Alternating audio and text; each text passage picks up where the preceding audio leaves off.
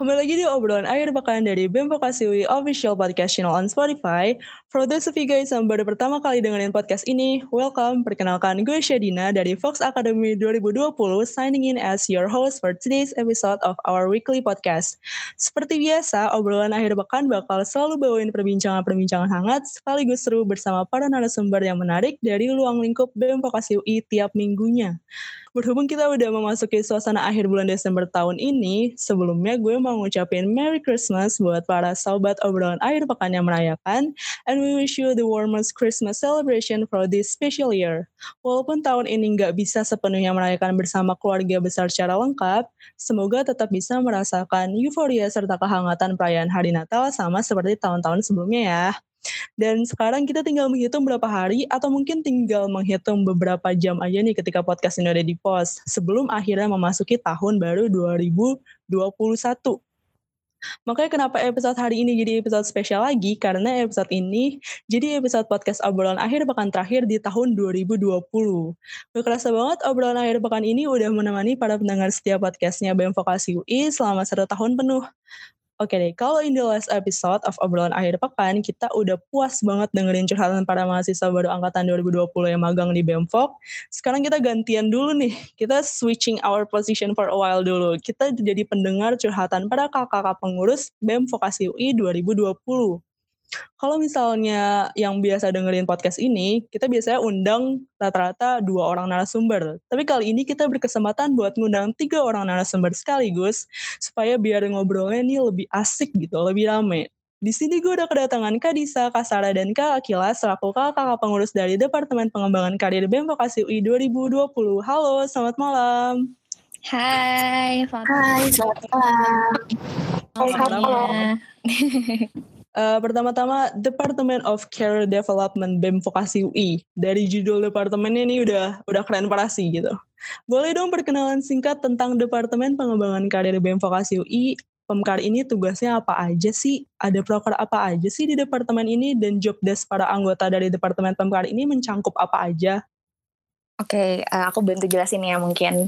Jadi sebenarnya Departemen Pengembangan Karir, Pengembangan Karir itu uh, merupakan departemen yang dibawahi langsung sama uh, core bidang kemahasiswaan di BEM Vokasi dan kita tuh memfokuskan, memfokuskan dalam bidang pengembangan karir terutama bagi mahasiswa vokasi nih gitu. Jadi kita melakukan uh, sebagai wadah pengembangan diri terutama bagi masya, uh, mahasiswa vokasi, sorry salah.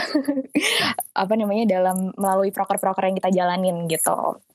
Sebenarnya kalau misalnya dari in, internal kita sendiri ya terdiri dari aku, aku kadep, wakilnya ada Sarah dan ada satu lagi wakil aku yang mungkin berhalangan nggak bisa hadir uh, sekarang gitu.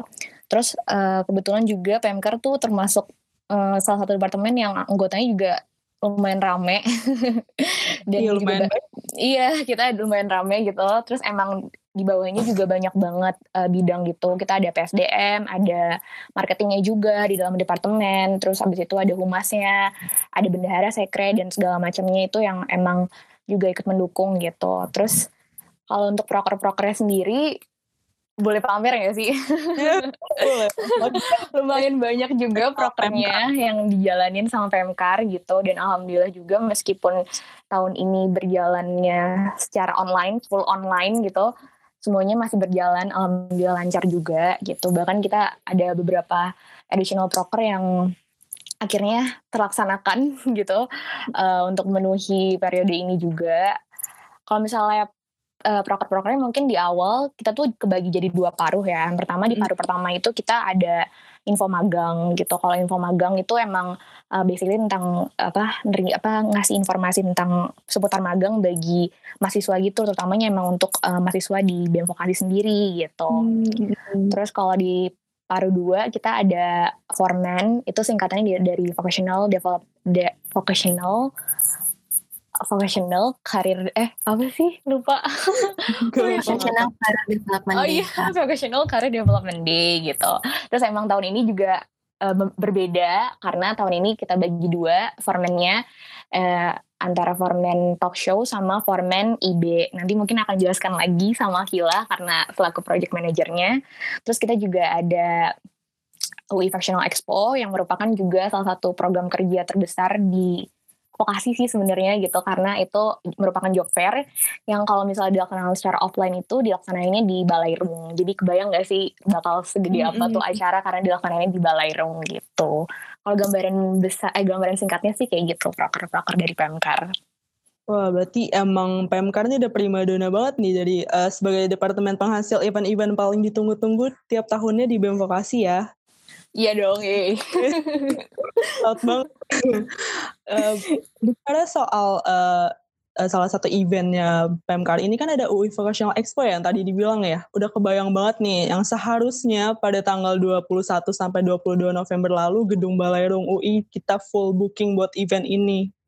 Terus yang seharusnya Balairung dipenuhi tenda-tenda promotion stand dari berbagai lembaga job recruiter serta kalau nggak salah ada bazar juga ya Kak di nanti di Vocational Expo sebenarnya. Iya benar ada bazarnya juga. Akhirnya mau nggak mau nih mendadak harus dilaksanakan secara virtual. Walaupun emang awalnya sempat banyak kendala dikarenakan masalah pandemi, tapi pada akhirnya event ini berjalan lancar ya kak, alhamdulillah dan sukses menembus sekitar kurang lebih hampir seribuan partisipan yang mencakup mahasiswa maupun alumni Universitas Indonesia sekaligus para mahasiswa serta fresh graduate dari luar UI sendiri. Keren banget. Iya, alhamdulillah. keren keren. Terima kasih. Terus juga semuanya banyak banget dukungan-dukungan dari eksternal juga yang bisa membuat itu terwujud. apalagi kalau dilihat-lihat kan uh, pengurus intinya, apalagi Kak Salsa Bila Dimar selaku PO-nya, mungkin kalau kita undang di sini sekarang uh, Kak Salsa bisa curhat banyak banget nih selaku PO. Oh iya, banyak banget pasti kalau kesahnya tuh. ya, apalagi kan untuk pengurus intinya juga waktu itu sempat ini ya uh, harus banget mengadakan pertemuan offline demi keberlangsungan acara. Jadi shout out buat kakak PI-nya. Wih. Jadi kan karena memang ini tuh harusnya acara offline kan mm. Expo ini.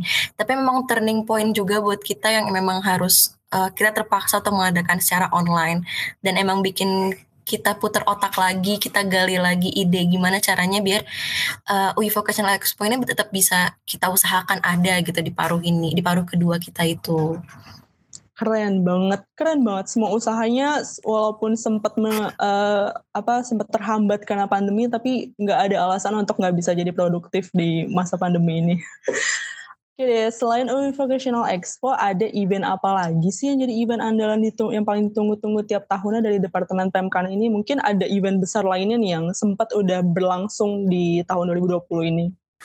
Jadi di Pemkar sendiri itu ada uh, yang tahun ini kebetulan aku pegang.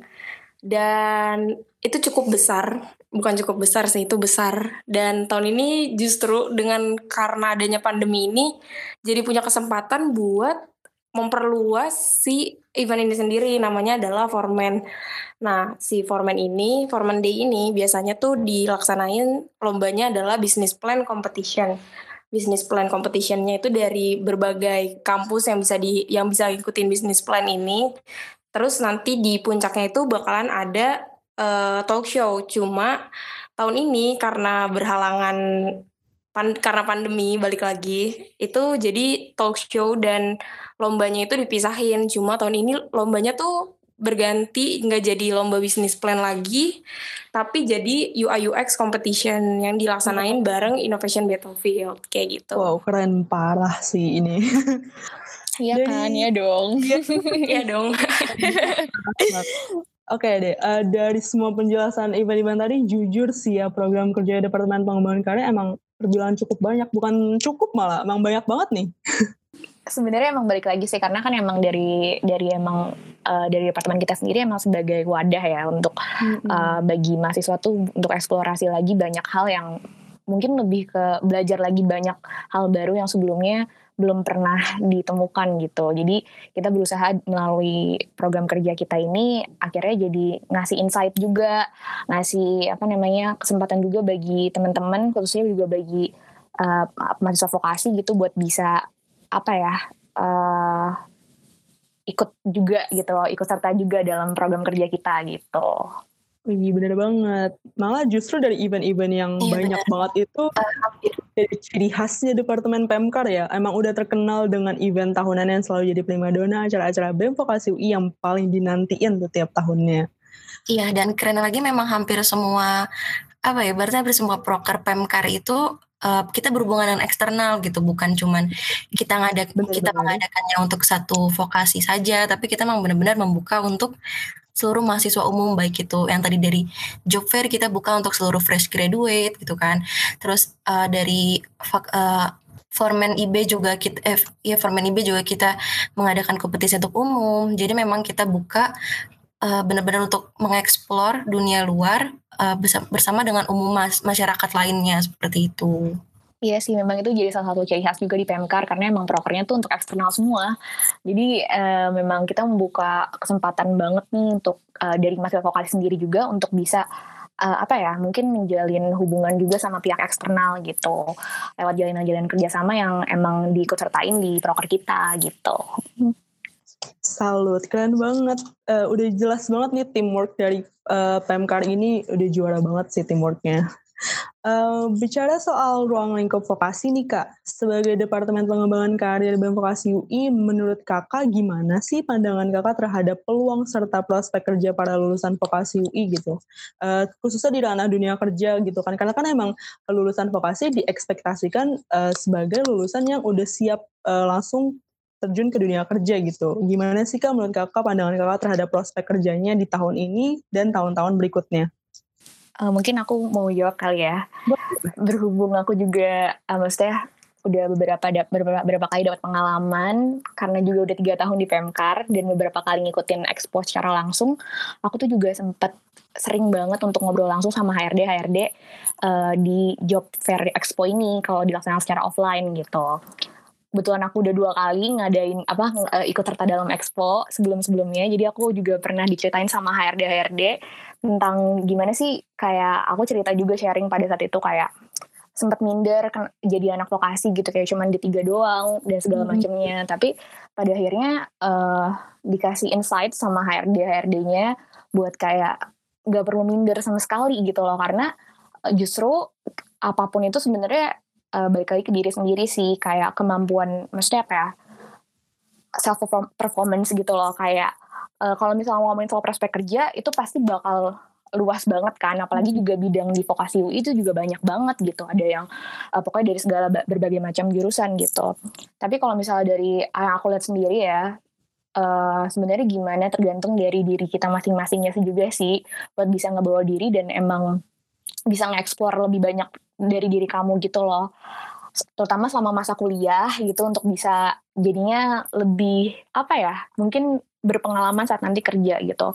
Ada satu cerita yang mungkin aku pengen sharing sih waktu pas kemarin aku ngobrol sama HRD itu. Jadi dia cerita kayak sebenarnya tuh untuk kayak untuk seorang sarjana nih ya, itu tuh juga bukan berarti mereka uh, memiliki kemampuan yang berbanding terbalik sama kita gitu. Meskipun mungkin emang beda banget sih, kayak kita 70% praktek, kalau mereka 70%, 70% itu teori.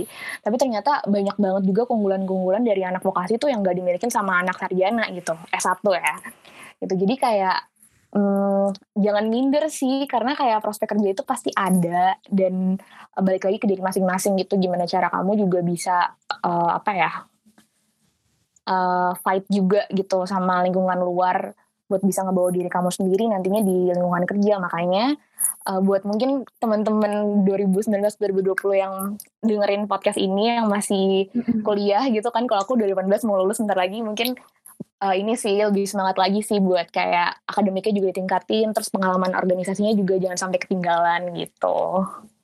Wih parah. Ini emang jelas banget nih Kak Disa jelasinnya. Berarti emang kalau soal prospek kerja, kita balik lagi nih ke skill masing-masing yang sebenarnya bisa kita improve sendiri dari selama masa kuliah. Entah itu aktif di organisasi, aktif magang, aktif lomba gitu kan.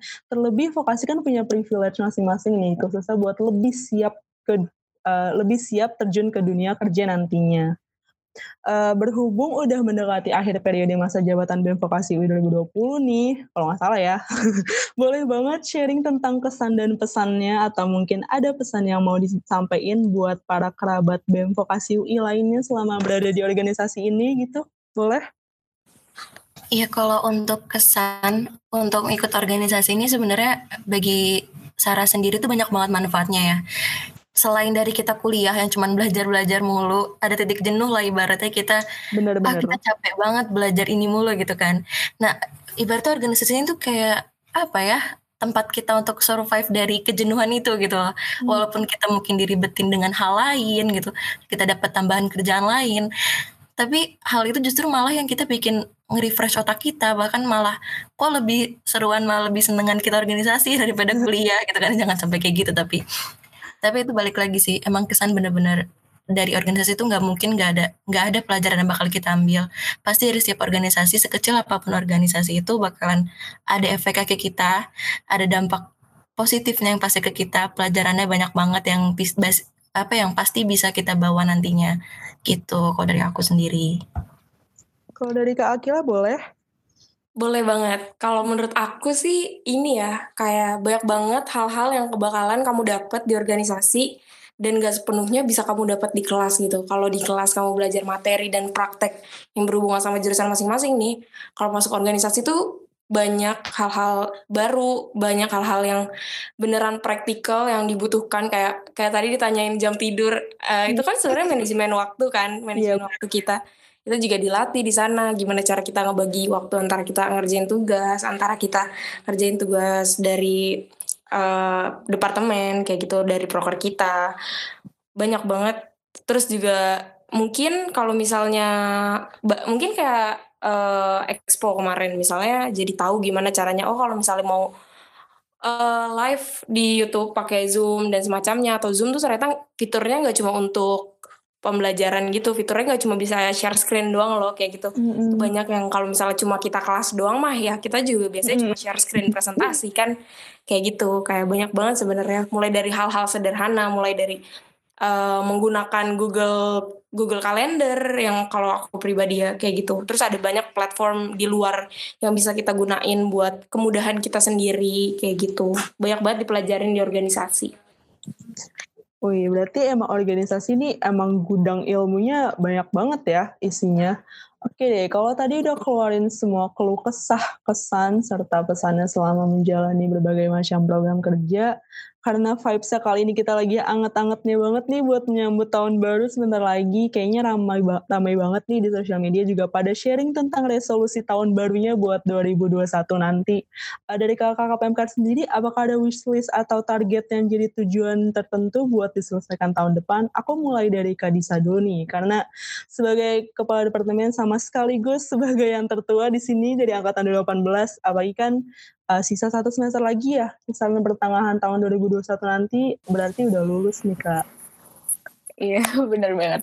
Berarti resolusi yang pertama, uh, bukan resolusi sebenarnya, wish ya, pandemi hmm. segera berakhir gitu kan, bisa hmm. cepet ngumpul-ngumpul lagi sama uh, apa namanya orang-orang terdekat kita gitu kan.